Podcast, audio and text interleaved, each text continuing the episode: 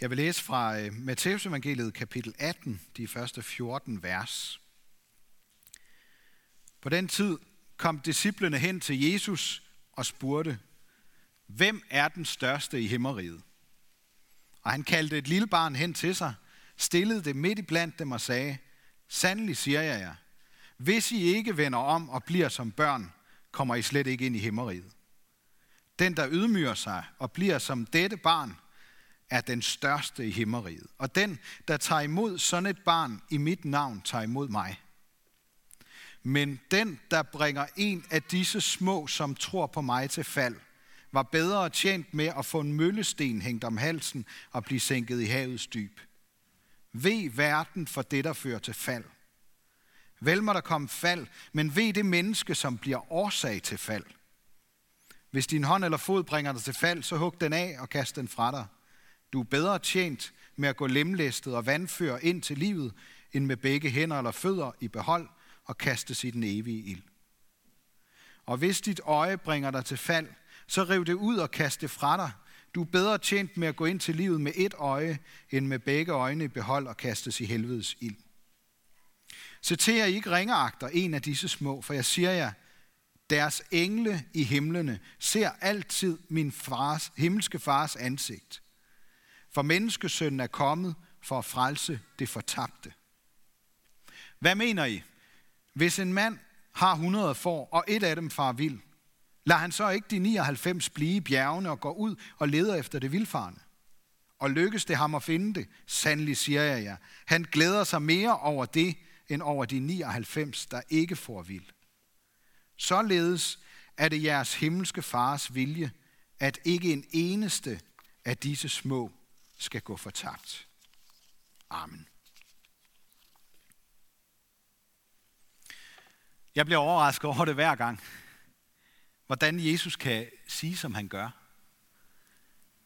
Han kan advare med de allermest stærke ord om, at vi kan gå fortabt og miste det evige liv.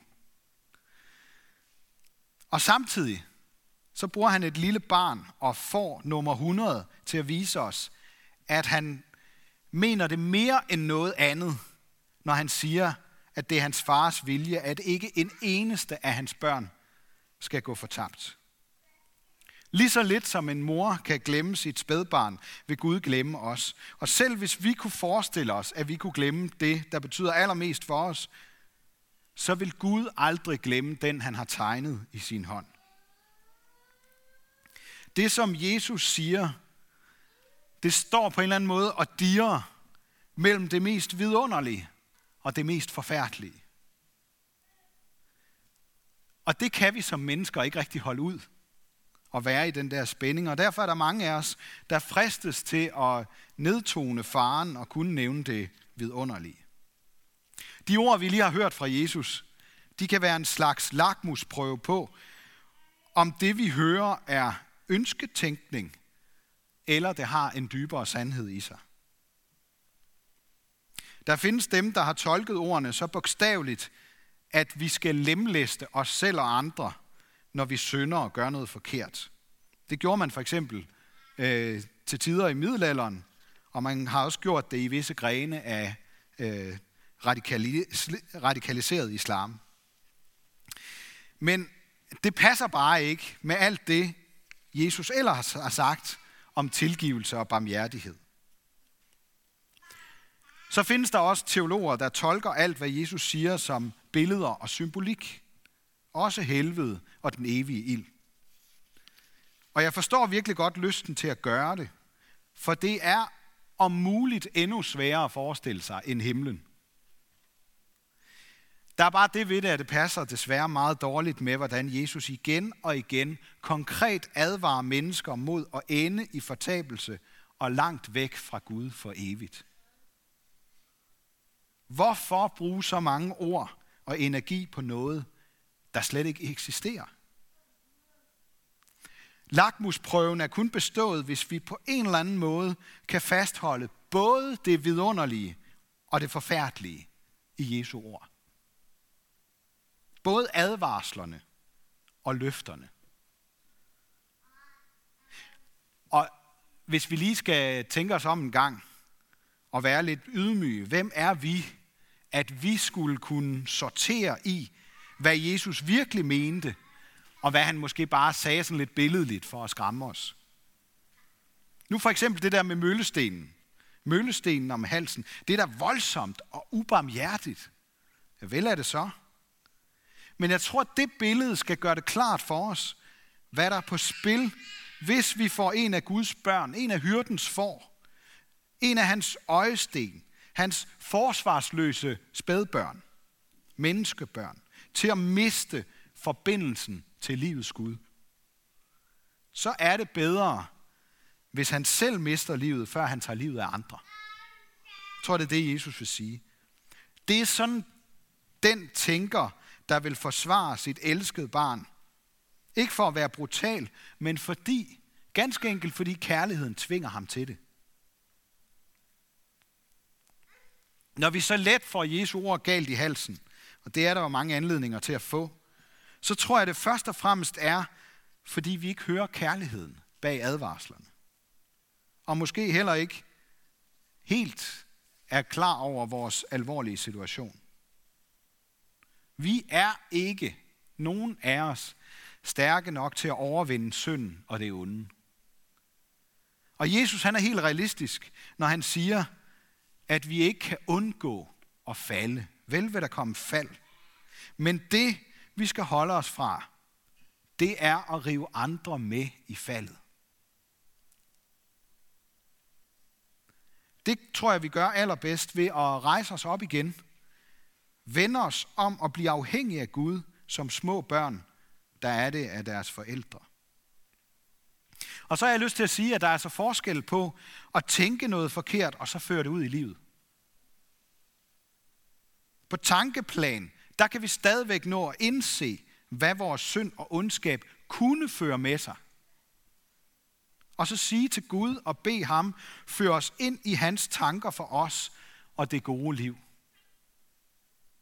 Og måske er det lidt af det, det handler om, det der med at hugge hånd og fod og rive øje ud og sådan nogle ting. At vi ikke skal føre det ud i livet. Det vi kan komme til at tænke eller forestille os. Paulus nævner forbitrelse, hissighed, vrede og råb og spot som noget, der skal ligge os fjernt. Ja, al ondskab, siger han. Det betyder jo ikke, at kristne ikke kender til den slags følelser og tanker, men fordi vi kender til Guds barmhjertighed og tilgivelse gennem Jesus Kristus, så vil vi ikke lade det få lov til at fylde i vores liv. Det kan konkret betyde, at vi skal undgå bestemte situationer, og bede for bestemte mennesker, vi måske endda med god grund har det svært med. Så vores fald ikke bliver årsag til andres fald. Jeg ved ikke, om I kender til det der med at åbne op for hissighed eller vrede, så det kommer til at forpeste alle andre, der er omkring en. Hvis jeg siger noget, jeg næsten fortryder, og samtidig med det kommer ud af min mund, så sker der ofte det, at den anden kommer til at gøre noget lignende. Og, og det vi oplever der, det er bare toppen af isbjerget. Tænk, hvis det ikke bare handler om den gode stemning, men gælder og handler om, hvordan vores liv ender. Jeg tror, vi skal være meget forsigtige med at stille betingelser op for, hvornår man er en kristen. Eller at man skal kunne se en mening med alt, hvad der sker, for ikke at fornægte den almægtige Gud. Fordi vi kan komme til at skubbe andre ud i at droppe troen på Gud og falde fra, hvis vi er alt for firkantet. Fik jeg den største? Det spurgte Anton, min søn, om, øh, da vi øh, spiste nogle småkager. Der lå en på hans tallerken her for nylig. Jeg tror, uanset personlighed og livshistorie, så har jeg en fornemmelse af, at de fleste af os, vi går op i at være størst på forskellige måder. Vi har forskellige målestokke, men hvem af os vil ikke gerne opleve sig vigtig og betydningsfuld? Hvem vil ikke gerne have det meste, hvis man nu kan få det? Og hvem kender og hader ikke følelsen af at blive glemt eller at blive overset? Jeg kan huske en gang, hvor øh, mine forældre glemte min lillesøster på færgen. Så vi sad alle sammen i bilen, parat til at, at køre af. Da det går op for min mor og far, at Nomi mangler. Hun er sådan lige midt i flokken, så det er altid dem, der bliver overset. Ikke? Og så styrtede far afsted for at finde hende. Og, øh, og hun, hun nåede at komme med og så videre. Og øh, altså, den slags oplevelser behøves jo ikke at blive traumatiske. Det kan de selvfølgelig godt være. Men jeg tror for dem, der har oplevet konsekvent at blive glemt eller holdt udenfor, mobbet måske, så kan det sætte sig som sådan en kronisk følelse af at være værdiløs. Og til dem, der har det sådan, eller kender til den følelse, der siger Jesus, at alle Guds børn har en engel i himlen, der ser ind i deres himmelske fars ansigt. Så selv hvis alle andre glemmer os, så gør Gud aldrig. Det er jo sådan helt modsat vores samfund, der belønner os, når vi er størst og bedst og dygtigst. Vi skal selvfølgelig heller ikke have det dårligt med, hvis vi dygtiggør os. Især ikke, hvis vi gør det på den måde, at vi spiller hinanden gode. Uden spidse albuer. Men desværre så er der en tendens til, at ønsket om det perfekte kan lære sig i os på en måde, der gør os ligeglade med det næstbedste og almindelige. Det siger os ikke længere noget. Vi skal være noget særligt. Vi skal udmærke os. Vi skal være de allerbedste. Vi skal være helt øverst på hylden. Ellers så er der ikke nogen, der lægger mærke til os. Hvis vi ikke er størst og bedst, så tænker vi, så bliver vi automatisk ubetydelige og glemt. Det er som om, vi har arvet en forbandelse fra Adam og Eva, der ville være lige så kloge som Gud, ellers så kunne det hele være lige meget. Når vi offrer vores værdier, eller vores værdighed, eller menneskelige selvrespekt for at opnå noget, måske endda noget stort, som vi gerne vil ofre meget for, så griber vi ud efter det, der vil få os til at falde. Og lige meget hvor stort og vigtigt det virker for os, så kan det aldrig stå mål med det at redde os selv og andre fra fortabelsens forfærdelige risiko. Jeg tror slet ikke, det er meningen, vi skal gå rundt og være bange for at få nogen til at falde, hvis vi blander os i andres liv. Tværtimod, så tror jeg netop, vi skal blande os og hjælpe andre op at stå, så vi sammen med dem ser, at vi kun kommer ind i Guds rige, hvis vi bliver som børn. Vi skal alle sammen bæres og hjælpes ind i Guds rige. Det kunne jeg holde en hel prædiken om. Jeg vil nøjes med at bare lige sige lidt om det nu her. Børn, de opfører sig helt naturligt som børn. Og det er fordi, de er det. Det gør vi ikke, hvis vi er blevet voksne. Okay, jeg ved godt, der findes eksempler på mennesker, der aldrig rigtig bliver voksne og ansvarlige. Hvis vi lige sorterer dem fra, så gør vi som regel ikke. Øhm, derfor så, så er det noget, vi skal lære. Det der med at ydmyge os, siger Jesus. Og prøv lige at tænk over, hvor fantastisk det er, at vi ikke skal kysse fødder og slide og slæbe for Gud som hans slaver. Det skal man i mange andre, i mange andre religioner. Vi får som kristne lov til at være børn. Og børn, de er frie til at vise deres glæde, og de er frie til at græde ud, når de har brug for det. Og selv om nogen måske har kæmpet med at leve op til deres forældres forventninger, så er Gud sådan en far, der bliver begejstret for at se os hver gang vi kommer til ham. Fordi det er os. Fordi det er hans barn, der kommer. Også efter at vi er faldet og har brug for at blive rejst op og omfavnet af hans tilgivende arme. Det er simpelthen hans vilje, at ingen af os skal gå fortabt i jagten på at være størst og ikke at blive glemt i den her verden. Fordi glemt, det bliver vi alle sammen på et tidspunkt. Jeg kan huske, at min far sagde med et lille smil i en af de sidste måneder, han levede, at der nok gik noget tid, før han ville blive glemt med alle de skåle og skulpturer og glasfader og malerier, som han havde lavet, og som stod rundt omkring hos folk.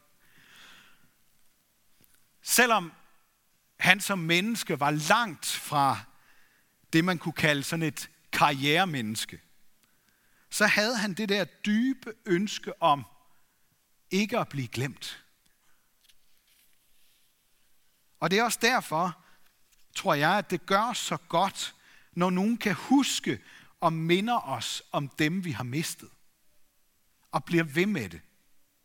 Måske er det den bedste medicin mod vores storhedsvandvid og vores frygt for at blive glemt. At der er nogen, der ikke glemmer os. Og at Gud hverken kan eller vil glemme os. Det slog mig pludselig, at, at vores mest centrale ritual, nadvåren, i virkeligheden sammen med dåben, jamen hvad drejer det sig om? Det drejer sig om ikke at glemme. Det drejer sig om ikke at glemme. Vi er ikke glemt af Gud, og han husker vores navn, og at Jesus har givet sit liv for os. Vi minder hinanden om det til nadveren og husker Gud på, at Jesus har taget vores plads og givet os hans, som Guds ophøjet og elskede børn. Ikke fordi Gud glemmer det, men fordi vi så let kommer til at tro, at Gud har glemt os. Det er derfor, vi gør det. Og fordi vi glemmer, at det ikke handler om, hvor store vi er, men at vi er børn af den største. Mennesket er den største skat i Guds øjne. Og derfor så giver han os det allerbedste, han har. Og selvom vi ofte glemmer at sætte pris på det, og tror, at vi kan klare os uden ham, så bliver han ved med det. Her til sidst. Hvad skal vi gøre, hvis vi gerne vil være Guds børn og slippe uden om fortabelsen? Først og fremmest så tror jeg, vi skal indse, hvem der er størst. Hvem der som den eneste kan befri os fra den skæbne, som vi er født med som mennesker. Og som altid vil og kan løfte os op og give os en ny chance, hver gang vi falder. At kende sig selv og kende Gud, det giver den ydmyghed, der gør, at det ikke er ydmygende at blive hjulpet op at stå. Og det er det ikke, fordi det viser os et glimt af den kærlighed fra Jesus, der frivilligt lod sig ydmyge for at frelse os fra den evige død. Så vi er ikke glemt. Ikke en eneste af os er glemt af Gud. Og hver eneste nye chance, vi får, minder os om, at vi ikke er glemt af ham. Ære være Gud, vores far, der har skabt os i sit billede. Ære være Guds søn, der tog vores straf, så vi kan leve som hans børn i frihed. Ære være Helligånden, ham, der gør Guds kærlighed levende for os.